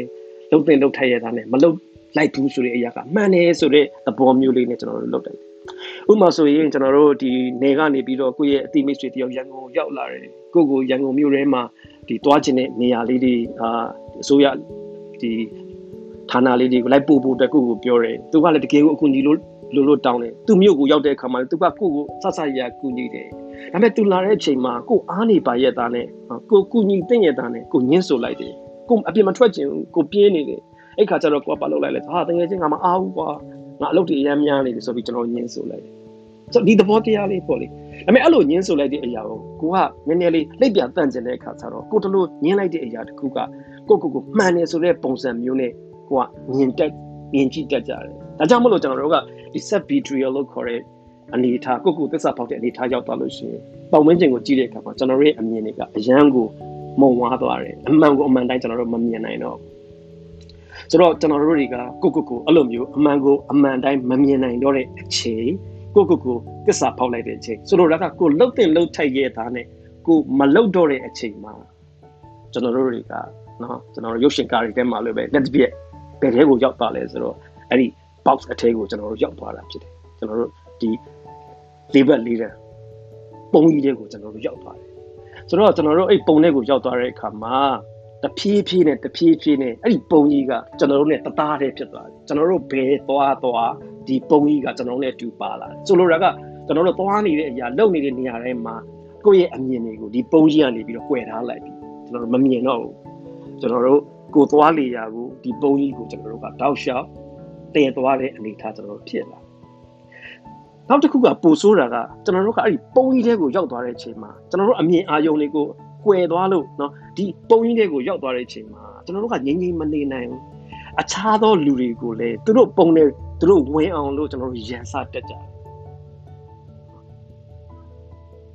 ဆိုတော့အလားကအရန်ကိုကျွန်တော်တို့အာကြောက်ဖို့ကောင်းတယ် ဆိုလိုတာကကိုယ့်အကို selfish ဖြစ်ပြီးတော့ကိုယ့်ရဲ့အာပြဿနာရဲ့အရင်းမြစ်ကကိုပါလားဆိုတာကိုနားလေတဲ့ပုံမပေါက်ပဲနဲ့ကိုယ့်ရဲ့လုပ်ရည်ဒီအမှန်ကိုဒီအာအတော်ဆုံးကိုကိုရဲ့ကိုသားဒီအမှန်ဆိုတဲ့ပုံစံမျိုးနဲ့ကျွန်တော်တို့နေုံပြင်မကဘူးအခြားသောသူတွေကိုလည်းကိုယ့်လိုမျိုးပဲခံစားလာရအောင်နော်သူတို့ကိုကျွန်တော်ကရန်စပြီးတော့သူတို့ကိုခုနပြောတဲ့ပုံတွေကိုဝင်သွားအောင်ကျွန်တော်တို့လုပ်တတ်ကြတယ်အဲ့လိုကျွန်တော်တို့တွေကိုစီကုံကကိုယ့်ရဲ့ပုံထဲမှာ ရောက်သွားပြီးတော့အမှန်ကိုမမြင်နိုင်တဲ့အခါမှာကျွန်တော်တို့တွေကဘာလုပ်လဲဆိုတော့ဒီပုံတွေကပဲမထွက်တော့အောင်လို့မထွက်ကြအောင်လို့ကျွန်တော်တို့တွေကဘာလုပ်ကြလဲဆိုတော့တယောက်နဲ့တယောက်အပြန်လန်မကောင်းတဲ့အပြုအမူတွေကိုကျွန်တော်တို့စပြီးတော့လုပ်လာကြတယ်အဲ့လာကကျွန်တော်တို့ကိုကိုကိုဒီတစ္ဆာဖောက်လိုက်တယ်လှုပ်တင်လှုပ်ထိုက်တဲ့အရာကိုလှုပ်တင်ရတာနဲ့ကျွန်တော်တို့မလှုပ်ဘူးအဲ့မလှုပ်တဲ့အရာကလည်းမှန်ပါတယ်ဆိုပြီးတော့ကိုကိုအတဲစင်ကြီးပြီးလိုက်တဲ့အနေထားကျွန်တော်တို့အဲ့ဒီအချိန်မှာကျွန်တော်တို့ဘောက်စိတ်ကိုရောက်သွားတယ် ဆိုတော့ဒီ box ကိုရောက်သွားတဲ့အခါမှာကျွန်တော်တို့တွေအရင်ဆုံးရှုံးမှုတွေရှိတယ်အထူးသဖြင့်ကျွန်တော်တို့ယုံနေမှာအိမ်နေမှာတခါတရံကျရင်ကိုကတော့အရာရာအားလုံးကအဆင်ပြေနေတယ်ကောင်းနေတယ်လို့ပဲထင်တယ်ဒါပေမဲ့ကိုအောက်လက်ငယ်သားကိုရဲ့ပတ်ဝန်းကျင်မှာရှိတဲ့လူတွေကကိုရောက်လာပြီဆိုအရင်စိတ်ညစ်ကြတယ်ကိုတစ်ခုခိုင်းပြီဆိုလို့ရှိရင်သူတို့မပျော်တော့ဘူးဒါပေမဲ့လည်းကိုကအဲ့လောက်ကိုမမြင်နိုင်ဘူးကိုပြောတဲ့အရာကိုလုပ်တဲ့အရာတွေကမှန်နေတယ်ဆိုပြီးတော့ကျွန်တော်တို့က မြင်တတ်ကြတယ်ဆိုတော့ကိုမားနေတဲ့အရာကိုကျွန်တော်တို့မှားနေတယ်လို့ကျွန်တော်မမြင်တော့ဒါကြောင့်မို့လို့ကျွန်တော်ဒီဒီအာ day ကနဲ့ကြီးကသူ့ရဲ့စာအုပ်ထဲမှာနော်သူပါလေ how to win other uh how to uh influence other people ဆိုပြီးတော့ကျွန်တော်တို့ဒီပါလေဥလူဘာသာပြန်လာတဲ့ဒီမိတ်တပလာတီကာစာအုပ်ထဲမှာသူပြောထားတာလူတွေကသူတို့ကိုမှားတယ်လို့ပြောတာဘယ်သူမှမကြိုက်ကြဘူးသူတို့မှားနေရင်တော့မှသူတို့ကိုသူတို့မှားတယ်လို့သူတို့ မခံယူဘူးမသိဘူးဆိုတော့အဲ့ဒီအရာကကျွန်တော်အခုပြောချင်တဲ့ပေါက်ဆဲကိုရောက်သွားတာပေါ့လေကျွန်တော်တို့အပါဝင်ခေါင်းဆောင်တော်တော်များများကပတ်ဝန်းကျင်မှာလှုပ်ရှားသွားလာနေတဲ့အခါမှာသူတို့လှုပ်ရက်တွေကမမှန်ဘူးသူတို့လှုပ်ရက်တွေကမှားနေတယ်ဒါပေမဲ့အလားကိုမှားနေတယ်လို့သူတို့မမြင်နိုင်ဘာလို့မမြင်နိုင်လဲဆိုတော့သူတို့ကအဲ့ဒီ box ကိုရောက်သွားတာလူတွေကိုလူတွေလို့မမြင်တော့လူတွေကသူတို့ရဲ့လူအင်ဆန်နာသူတို့ရဲ့လူအချက်တွေကိုဖြည့်ဆည်းနေတဲ့အရာဝတ္ထုလို့ပဲသူတို့ကမြင်လာအဲ့ဒီအရာကကျွန်တော်တို့အရင်ကြောက်ဖို့ကောင်းတယ်အထူးသဖြင့် ကိုလှုပ်တဲ့လှုပ်ထိုက်တဲ့အရာလို့ကိုနားလဲတဲ့အချိန်မှာအဲ့လာကိုညှင်းဆိုလိုက်တယ်မလှုပ်ဘူးအဲ့လိုဖြစ်သွားပြီဆိုရင်ကိုကသစ္စာဖောက်လိုက်ပြီကိုကိုကိုဒါပေမဲ့အဲ့လိုသစ္စာဖောက်လိုက်တာကလည်းမှန်တယ်ဆိုတဲ့သဘောမျိုးနဲ့ကျွန်တော်တို့ကလက်ခံကိုကိုကိုမှန်တယ်ဆိုတဲ့အရာဖြစ်အောင်အတင်းစင်ကြည့်ပြီးတယ်အဲ့လားကျွန်တော်တို့အရန်သတိထားရမယ့်အရာတစ်ခုဖြစ်တယ်ဆိုတော့အဲ့လိုပေါက်ဆဲကိုရောက်သွားလို့ရှိရင်ကျွန်တော်တို့မှထိခိုက်မျက်နှာဆုံးရှုံးမှုတွေရှိတယ်ခေါင်းဆောင်တယောက်အနေနဲ့ဒါအပြင်ကိုဥဆောင်နေတဲ့ကိုယ့်ရဲ့ဒီလုပ်ငန်း ကိုယ့်ရဲ့ဌာနကိုယ့်ရဲ့နောက်လိုက်တွေမှာလည်းအများကြီးဆုံးရှုံးမှုတွေရှိတယ်ဥပမာဆိုရင်စဉ်းစားကြည့်ဗျာအဖေတယောက်နော်သူကအဲ့လိုပေါက်ဆဲကိုရောက်နေတယ်ဆိုရင်သူတို့ရဲ့သားသမီးတွေမှာဘလောက်ဒုက္ခရောက်မလဲအမှန်ကိုအမှန်တိုင်းမမြင်တော့ဘူးအဖေကိုလည်းကြောက်တဲ့အခါကျတော့အဖေပြောသမျှကိုလိုက်ပြီးလိုက်လို့ရတယ်ဆိုတော့သူတို့ရဲ့ဘဝသူတို့ရဲ့အသက်တာမှာနော်အဖေစိတ်ဆန္ဒနဲ့ပဲအသက်ရှင်နေရတဲ့ဘဝကိုရောက်သွားတတ်ကြတယ်ဒါကြောင့်မလို့ဒီမိသားစုတစ်ခုမှာတော့မှအဖေဒါမှမဟုတ်အမေအိမ်တော်ဦးစီးတဲ့လူတွေက အမှန်ကိုအမှန်တိုင်းမမြင်တဲ့အခါမှာသူ့ကိုမိခိုရတဲ့လူတွေမှာခက်ခဲအများကြီးရှိတယ်ဆိုရက်ွက်ထဲမှာလည်းဒီတိုင်းပဲရက်ွက်ကိုအုပ်ချုပ်နေတဲ့လူတွေနော်မြို့နယ်ကိုအုပ်ချုပ်တဲ့လူတွေနိုင်ငံကိုအုပ်ချုပ်တဲ့လူတွေအလုပ်မှာဆိုလည်းအလုပ်တယောက်ပေါ့လေ manager စီကိုယ့်ရဲ့ဒီအမကိုယ့်ရဲ့လှုပ်ရက်မမှန်ကန်ဘူးလူတွေကိုလူတွေလို့မမြင်တတ်ဘူးဆိုတာကိုနားလည်ပေါ်ပေါက်ဖို့အရင်ရေးကြည့်တယ်ဒါကြောင့်မလို့ကျွန်တော်တို့ဒီလိုလေးပတ်လေးလံ ပိတ်နေတဲ့ပေါက်စီအတွင်းကနေပြီးတော့ထွက်ဖို့အတွက်ကျွန်တော်တို့ဘယ်လိုလုပ်ရမလဲဒါလေးကိုကျွန်တော်တို့နားလည်ဖို့လိုတယ်ဆိုတော့အပြင်ကိုထွက်ဖို့လုပ်တဲ့အခါမှာကျွန်တော်တို့စူးစမ်းကြတယ်ဒါပေမဲ့ကျွန်တော်ဘာကိုနားလည်ဖို့လိုလဲဆိုတော့ဒီကိုကဒီအာနိုင်ငံကြီးလေးပတ်လုံးမှာပိတ်ခံနေရတဲ့အချိန်မှာကိုဘလောက်စူးစမ်းစူးစမ်းမအောင်မြင်နိုင်တဲ့အရာတွေရှိတယ်အဲ့ဒါကိုကျွန်တော်နားလည်ဖို့လိုအပ်တယ်ဒီဘောက်စီရှိဘောက်စီထဲမှာရှိလို့ရှိရင်ကျွန်တော်တို့ဘောက်အပြင်ကိုထွက်ဖို့ ဘလို့ပဲစ조사စ조사မအောင်မြင်နိုင်တဲ့အရာတွေကိုကျွန်တော်နားလည်ဖို့လိုတယ်ပထမတစ်ချက်ကပါလဲဆိုတော့ကိုဆက်ဆက်ပတ်သက်နေတဲ့လူတွေကိုအာပြောင်းလဲဖို့စ조사ကြတယ်ခုနကျွန်တော်ပြောသလိုပေါ့လေဒီအိမ်တော်ဦးစီးအဖေကသူကလူတွေကိုလူတွေသူ့သားသမီးတွေကိုအာဘယ်လိုခေါ်မလဲလိုအပ်ချက်တွေကိုသူနားမလဲဘူးသူ့ရဲ့လူအင်ဆန်နာကိုပဲသူအာရှေ့တန်းတင်ပြီးအုပ်ချုပ်နေတဲ့အဖေဆိုတော့အဲ့ခါမှာသူကပါလဲဆိုတော့သူ့ရဲ့သားသမီးတွေအပြုတ်မှုတွေကိုသူကအတင်း သူ့ရဲ့ပုံစံခွက်တယ်ဝင်းအောင်အတင်းလိုက်လုပ်တယ်အဲ့လာကပါလဲဆိုတော့အခုကျွန်တော်ရေးရေးပြထားသလိုပေါ့နော် trying to change others ဒါပေမဲ့မအောင်ဘူးဘာကြောင့်လဲဆိုတော့ဒီသားသမီးနဲ့ဒီအဖေနဲ့ကြမှာအစင်မပြေဖြစ်ရတဲ့အရာကဒီသားသမီးတွေအပြုတ်မှုမဟုတ်ဘူးဒီအဖေကပေါက်ဆဲကိုရောက်နေလို့ဖြစ်တယ်ဒီအဖေကလူတွေရဲ့လိုအပ်ချက်တွေကိုလှုပ်ပေးသိရင်သားနဲ့သူညှင်းဆိုခဲ့တာဖြစ်တယ်လူတွေရဲ့လိုအပ်ချက်ကို သူကအတိမတ်မပြုခဲ့တာဖြစ်တယ်ဆိုတော့သူကအတရားသမသူ့သားသမီးတွေရဲ့အပြုမှုကိုပြောင်းလဲအောင်ဘလောက်ကြီးပဲစ조사စ조사အောင်မြင်မှာမဟုတ်ဆိုတော့ तू ကဒီပေါက်ဆဲမှာပဲရှိနေပေါက်ဆဲကိုမထွက်နိုင်ဘူးနောက်တစ်ခုဆိုတော့ကလေးတွေရဲ့အပြုမှုကိုပြောင်းလဲလို့မရတော့ကိုတပည့်အောက်လက်ငယ်သားတွေရဲ့အပြုမှုကိုပြောင်းလဲလို့မရတဲ့အခါနောက်တစ်မျိုးကျွန်တော်စ조사ကြည့်တယ်အဲ့လာကတော့ပါလဲဆိုတော့ဒီလူတွေနဲ့အဆင်ပြေပြေပေါင်းနိုင်ဖို့အတွက်အာ ကျွန်တော်တို့ handle လုပ်နိုင်ဖို့ကျွန်တော်တို့စဉ်းစားကြည့်ကြတယ်မင်းတို့ဘာဖြစ်တာလဲဘလို့ဖြစ်တာလဲစသဖြင့်စကားတွေပြောပြီးတော့အာအခြားလူတွေနဲ့အဆင်ပြေပြေနေနိုင်အောင်လို့ကျွန်တော်တို့အာစဉ်းစားကြည့်တယ်ဒါပေမဲ့ဒီအရာလဲမအောင်မြင်နိုင်ဘာကြောင့်လဲဆိုတော့အခြားလူတွေနဲ့နော်ဒီအတူတကွအဆင်ပြေဖို့ဆိုတဲ့နေရာမှာပြဿနာကကိုကိုယ်တိုင်ဖြစ်နေတယ်အဲ့ပြဿနာကိုကိုကမမြင်နိုင်တဲ့အရာ ဆိုတော့ဘလောက်ကြီးပဲအခြားလူတွေနဲ့အဆင်ပြေအောင်ကိုစူးစမ်းစူးစမ်းပြင်မယ်ဒါလည်းအဆင်မပြေနိုင်ဘူးဒီတော့ကျွန်တော်တို့တွေတော်တော်များများဒီ manager တချို့လည်းအဲ့လိုမျိုးဖြစ်တတ်တယ်ဟာဒီကလူတွေပြောလို့ဆိုလို့မရတော့တော်တော်လေးကိုစိတ်ပြတ်တယ်ကွာဒီကောင်လေးကိုထားခဲ့ပြီးသွားတော့မယ်ကွာဆိုပြီးတော့ထွက်သွားတယ်အမေဒီနေရာထွက်သွားပြီးနောက်တနေရာရောက်လဲဒီအဖြစ်တက်ကထပ်ဖြစ်အောင်မှာဘာကြောင့်လဲဆိုတော့သူတို့ကသူတို့နဲ့အတူဒီ box ကြီးကပါသွားတာ သူတို့သွားလျက်မှာဒီ box ကြီးကသွားတယ်သူတို့ကအမှန်ကိုအမှန်တိုင်းမမြင်နိုင်ဘူးဆိုတော့ဒီနေရာကနေထွက်သွားလဲနောက်တနေရာကိုရောက်တဲ့အခါမှာနောက်တနေရာမှာရှိတဲ့လူတွေကိုလူတွေလိုမမြင်မဲနဲ့လူတွေရဲ့လိုအပ်ချက်ကိုသူနားမလဲပဲနဲ့သူဒီသူ့ရဲ့အမြင်တွေကကွဲနေမှာဆိုတော့တနေရာမှာအဆင်မပြေလို့တနေရာကိုထွက်သွားလဲကျွန်တော်တို့အလုံးမဖြစ်ဘူးအောင်မြင်မှာမဟုတ်ဆိုတော့ကျွန်တော်တို့တွေကလူတွေနဲ့နော်ဒီ communication ပိုကောင်းအောင်လို့ကျွန်တော်တို့စူးစမ်းကြည့်မယ်နော် ဘလို့ပဲ communication technique တွေနည်းလမ်းတွေကျွန်တော်တို့အသုံးချ communication ပုံစံလေးတွေပြောင်းဒါလည်းအဆင်မပြေနိုင်ဘူး ဘာလို့လဲဆိုတော့ပြဿနာရဲ့အဓိကက communication မကောင်းတာမဟုတ်ပြဿနာရဲ့အဓိက तू ကဒီ box ဆဲကိုရောက်သွားတာသူ့ကို तू လိန်နေလှည့်ဖျားနေတာအမှန်ကိုအမှန်တိုင်းမမြင်နိုင်တာဆိုတော့ communication တွေလည်းအလုံးမဖြစ်ဘူးဆိုတော့လူတွေနဲ့ပေါင်းသင်းဆက်ဆံတဲ့အခါမှာပို့ပြီးတော့အဆင်ပြေအောင်လို့เนาะကျွမ်းကျင်မှုအသစ်တွေ technique အသစ်တွေအသုံးချကြည့်တယ် ဒါပေမဲ့လေပြဿနာရဲ့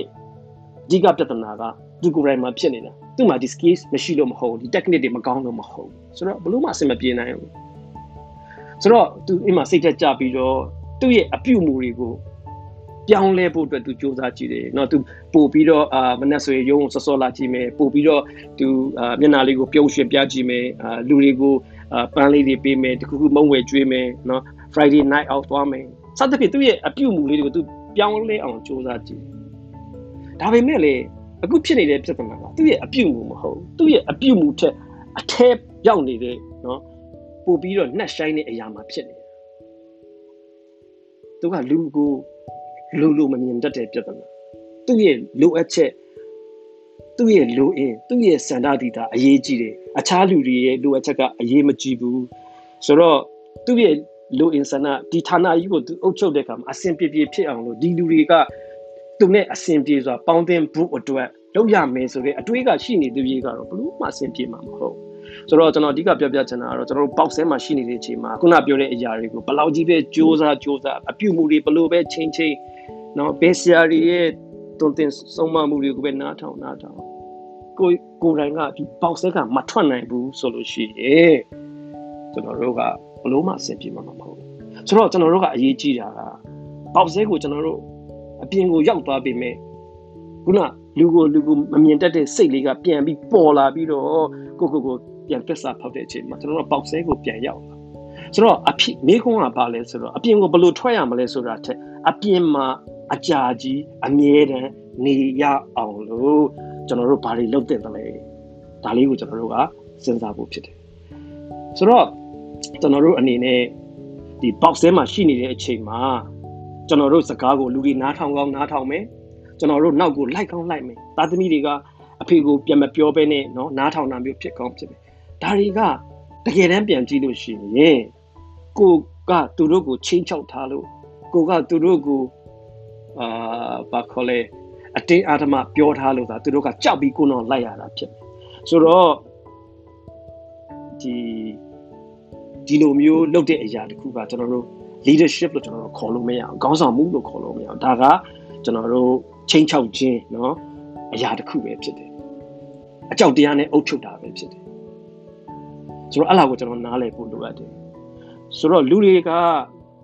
ခေါင်းဆောင်တယောက်နောက်ကိုလိုက်ပြီးဆိုလို့ရှိရင်ဘလို့ခေါင်းဆောင်ရဲ့နောက်ကိုပဲစိတ်ပါလက်ပါနဲ့သူတို့လိုက်တက်ကြတယ်လေဆိုတော့ box ရဲ့အပြင်မှာရှိတဲ့ခေါင်းဆောင်တွေနောက်ကိုပဲ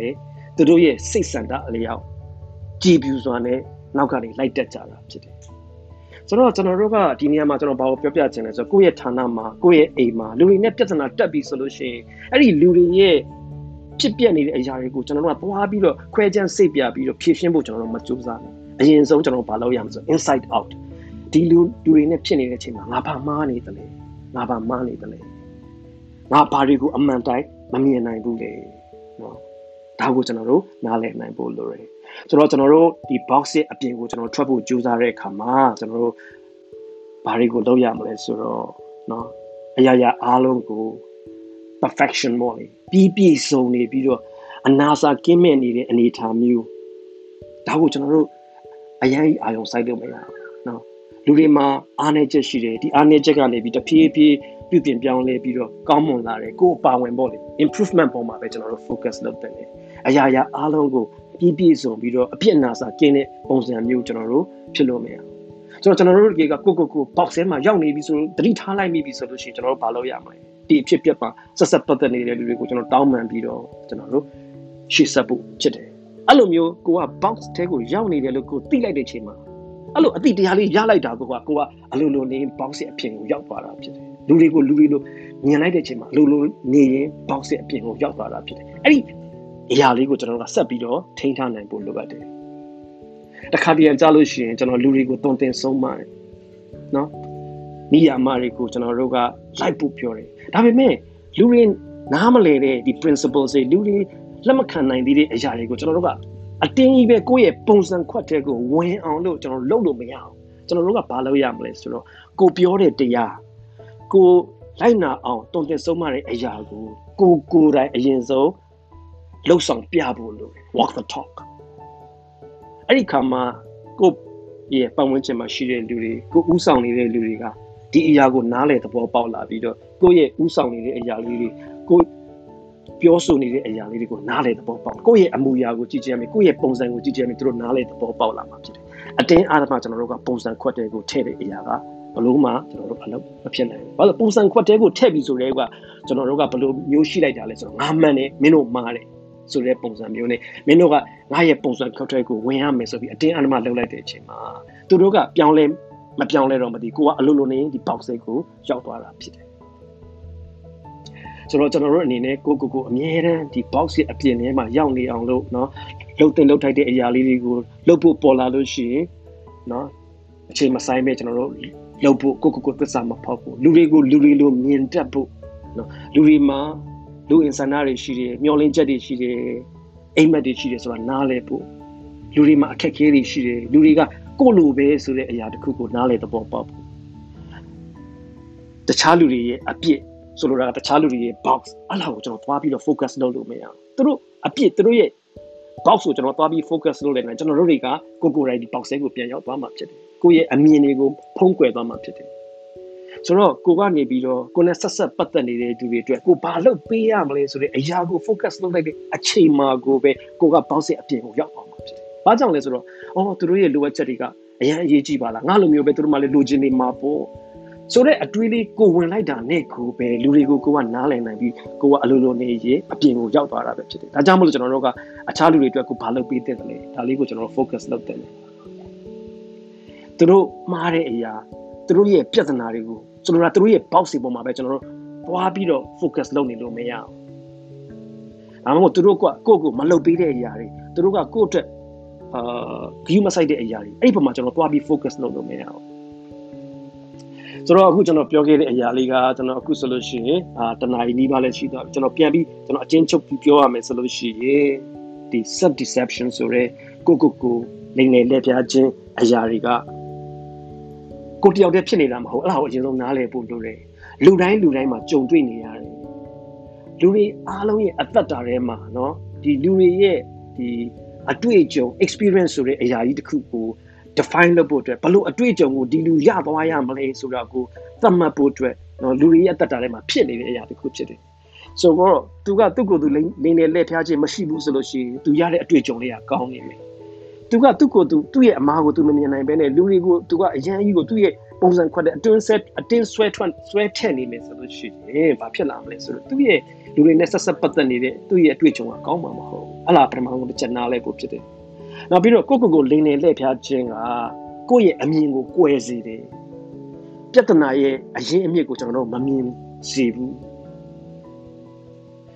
အဲ့ဒီခါမှာကျွန်တော်တို့ကပြဿနာရဲ့အရင်အမြစ်ကိုကျွန်တော်တို့ မမြင်နိုင်တဲ့အခါကျတော့ဒီပြဿနာရဲ့အဖြေကိုကျွန်တော်တို့ဘလို့မှမရနိုင်ဘူး။ဆိုတော့ဒီမှာပဲကျွန်တော်တိုင်ပတ်ပြီးကျွန်တော်တို့ကဒီပေါက်စင်းမှာပဲကျွန်တော်တို့ကကြောက်သွားတဲ့သဘောလေးတွေရှိတယ်။နောက်တစ်ခုကကျတော့ကိုယ့်အနေနဲ့လှုပ်တဲ့နေလှုပ်တဲ့နေလို့ကိုယ်စိတ်ထဲမှာပေါ်လာတဲ့အရာဆိုလိုတာကိုယ့်ရဲ့စိတ်ထဲမှာရှိတဲ့ကောင်းတဲ့စိတ်လေးနော်သူတော်ကောင်းလေးကကိုယ့်ကိုဓိပေးလိုက်တဲ့အချိန်မှာအလားကိုကိုကလက်မခံပဲနဲ့ဒီဘက်ကနော် devil လေးပြောတာကိုလက်ခံလိုက်တဲ့အခါမှာ ကိုကိုကိုကိုကသစ္စာဖောက်လိုက်တယ် self betrayal ဖြစ်သွားတယ်ဆိုတော့ကျွန်တော်တို့ကိုကိုကိုသစ္စာဖောက်လိုက်တဲ့အချိန်မှာဘာဖြစ်ပြီလဲကျွန်တော်တို့လောကကြီးကိုမြင်တဲ့အမြင်အခြားသောသူတွေကိုမြင်တဲ့အမြင်ကပြောင်းလဲသွားတယ်ကိုဒီလိုမျိုးလှုပ်လိုက်တဲ့အရာကမှန်တယ်ဆိုပြီးတော့ကိုကိုကိုစင်ကြီးတွေပေးပြီးတော့အတင်းကိုကိုကိုလှုပ်ပြီးမှန်ပလိုက်တော့တယ်ကိုကလွဲလို့ကျန်တဲ့လူတွေအမား ကိုလှုပ်ရက်တည်တာအမှန်ဆိုတဲ့အနေထားလေးဖြစ်သွားတယ်အဲ့လာကဘယ်အချိန်မှာစတာလဲဆိုကိုကိုကိုတစ္ဆာဖောက်တဲ့အချိန်မှာကိုရဲ့ကောင်းတဲ့စိတ်လေးကကိုကိုလှုပ်ဆော်လာတာကိုညင်းဆိုလာပြီးမကောင်းတဲ့စိတ်တွေရဲ့တွန်းပို့ခြင်းကိုလက်ခံလိုက်တဲ့အခါမှာ self betrayal ကဖြစ်လာတယ်အဲ့လိုဖြစ်လာတဲ့အခါမှာကျွန်တော်တို့အမှန်အမှန်တိုင်းမမြင်နိုင်တော့ဘူးကျွန်တော်တို့ရဲ့အမြင်တွေကမှုံဝါသွားတယ်ဆိုတော့ကျွန်တော်တို့ဒီ box ထဲကိုအလိုလိုလေးဝင်သွားတာဖြစ်တယ်ဆိုတော့ကျွန်တော်တို့ဒီ box ထဲမှာရှိနေတဲ့အချိန်မှာ ကျွန်တော်အစမှပြောခဲ့သလိုပဲကိုကိုကို box ထဲမှာရှိနေတဲ့အချိန်မှာအခြားသောသူတွေကိုလည်းဒီလို box ထဲရောက်သွားအောင်လို့အမြင်တွေမှုံဝါးသွားအောင်လို့ကျွန်တော်တို့ရင်စားတတ်တယ်ဆိုတော့ကျွန်တော်တို့ box ထဲမှာရှိတဲ့အချိန်တွေမှာအခြားလူတွေနဲ့ကျွန်တော်တို့ကဘာလုပ်လာလဲဆိုတော့ဒီမကောင်းတဲ့အပြုအမူတွေကျွန်တော်တို့လုပ်လာတယ်အဆင်မပြေတဲ့သဘောတရားတွေအတင်းကိုယ့်ရဲ့ပုံစံကွန်ထဲမှာဆွဲထည့်ပြီးတော့နော်ဒီကိုယ့်ရဲ့လုပ်ရမှန်နေဆိုတဲ့အရာလေးတွေကိုကျွန်တော်တို့ကအာစင်ကြယ်လေးတွေကျွန်တော်ပေးလာကြတယ် ဆိုတော့ကျွန်တော်တို့ box ထဲကိုရောက်တဲ့အချိန်မှာကျွန်တော်တို့တွေမှာပြဿနာရှိတယ်ငါကပြဿနာပါဆိုတာကိုမမြင်နိုင်တော့ဘူးကျွန်တော်အစပိုင်းမှာပြောခဲ့တဲ့ဆရာဝန်တွေလိုပဲငါတို့ကဒီလူနာတွေကိုအကောင်းဆုံးစေတနာနဲ့ပြုစုပေးနေတာပဲဆိုတဲ့အရာပဲခေါင်းထဲမှာရှိတော့တယ်ငါတို့ကဒီယောဂပိုးမွားတွေကိုပယ်လာပြီးသူတို့ကိုသေအောင်လုပ်နေတာပါလားဆိုတော့သူတို့မမြင်တော့အဲ့လားပါလဲဆိုတော့ तू က box ထဲကိုရောက်သွားတယ်အဲ့ဒီအချိန်မှာ အခြားသောသူတွေကိုကျွန်တော်တို့ကပြဿနာအနေနဲ့ပဲမြင်တယ်ဒီလူနာတွေပေါ့တန်တန်ရှင်းရှင်းမနေလို့เนาะသူတို့ဂီယူမဆိုင်လို့စကားနားမထောင်လို့သူတို့သေရတာပါဆိုတဲ့ပုံစံမျိုးလေးကျွန်တော်တို့ဖြစ်သွားတယ်ဆိုတော့ဒီနမူနာလေးကကျွန်တော်တို့ရဲ့အသက်တာမှာအမြဲတမ်းစဉ်းစားရမယ်ညာတော့အဖြစ်ကျွန်တော်တို့ကကိုကိုယ်တိုင်ကပြဿနာဖြစ်နေတာကိုပြဿနာလို့မမြင်ဘဲနဲ့အခြားသောသူတွေကိုပြဿနာလို့ပဲမြင်တတ်တဲ့အမြင်အလားကကျွန်တော်တို့ box ထဲရောက်သွားတဲ့အချိန်မှာကျွန်တော်ဖြစ်တတ်တာဖြစ်တယ်နောက်တစ်ခုကကျွန်တော်ခုနပြောခဲ့တဲ့အရာတွေ box ထဲမှာရှိနေတဲ့အချိန်မှာ ဘလို့ပဲစူးစမ်းစူးစမ်း box အပြင်ကိုကျွန်တော်တို့ထွက်ဖို့မလွယ်ဘူးထွက်လည်းမထွက်နိုင်ဘူးရောက်လည်းမရောက်ဘူးဘာလို့လဲဆိုတော့ကျွန်တော်သတိထားဖို့လိုတာကကိုကိုရိုင်းကပြဿနာဖြစ်နေတယ်ကိုကိုရိုင်းကကိုကိုကိုလိန်လေလက်ဖြားနေတာဆိုတော့ကိုကိုကိုလိန်လေလက်ဖြားနေတယ်ငါကပြဿနာဖြစ်နေတယ်ဆိုတာကိုနားလေသဘောပေါက်တဲ့အချိန်မှာနော်လှုပ်တင်လှုပ်ထိုက်တဲ့အရာတွေကိုလှုပ်တော့မယ်လို့ဆုံးဖြတ်လိုက်တဲ့အချိန်မှာလူတွေကိုလူတွေလိုသဘောထားလိုက်တဲ့အချိန်မှာ ကျွန်တော်တို့တွေက box အပြင်ကိုရောက်သွားတာဖြစ်တယ်ဆိုတော့ကျွန်တော်ဒီနေ့ပြောပြတဲ့အရာတွေကကျွန်တော်ထင်တယ်အာဟိုဒီကိုယ့်ရဲ့လုပ်ငန်းခွင်မှာပဲမဟုတ်ဘူးကိုယ့်ရဲ့တငယ်ချင်းပေါင်းတင်နော်ကိုယ့်ရဲ့မိသားစုကိုယ့်ရဲ့ရက်ရွာကိုဥဆောင်နေတဲ့အဖွဲ့အစည်းတွေမှာဒီအရာကိုကျွန်တော်စင်ကျင်သုံးသပ်ပြီးတော့နော်ဒီဗီဒီယိုလေးကိုပြန်ပြန်ကြည့်ပြီးတော့ကျွန်တော်အနေနဲ့သုံးသပ်စီခြင်းတယ်ကျွန်တော်တို့ရဲ့အမြင်တွေကိုမဖုံးကွယ်စေခြင်းဘူးကိုကိုကိုလိန်နဲ့လက်ဖြားခြင်းမျိုး မရှိစေခြင်းဘူးပြောချင်တာကပေါက်ဆဲကိုကိုကိုကိုအတင်းဆွဲထည့်လိုက်တာမျိုးမဖြစ်စေခြင်းဘူးပေါ့လေဆိုတော့အားလုံးကျေးဇူးတင်ပါတယ်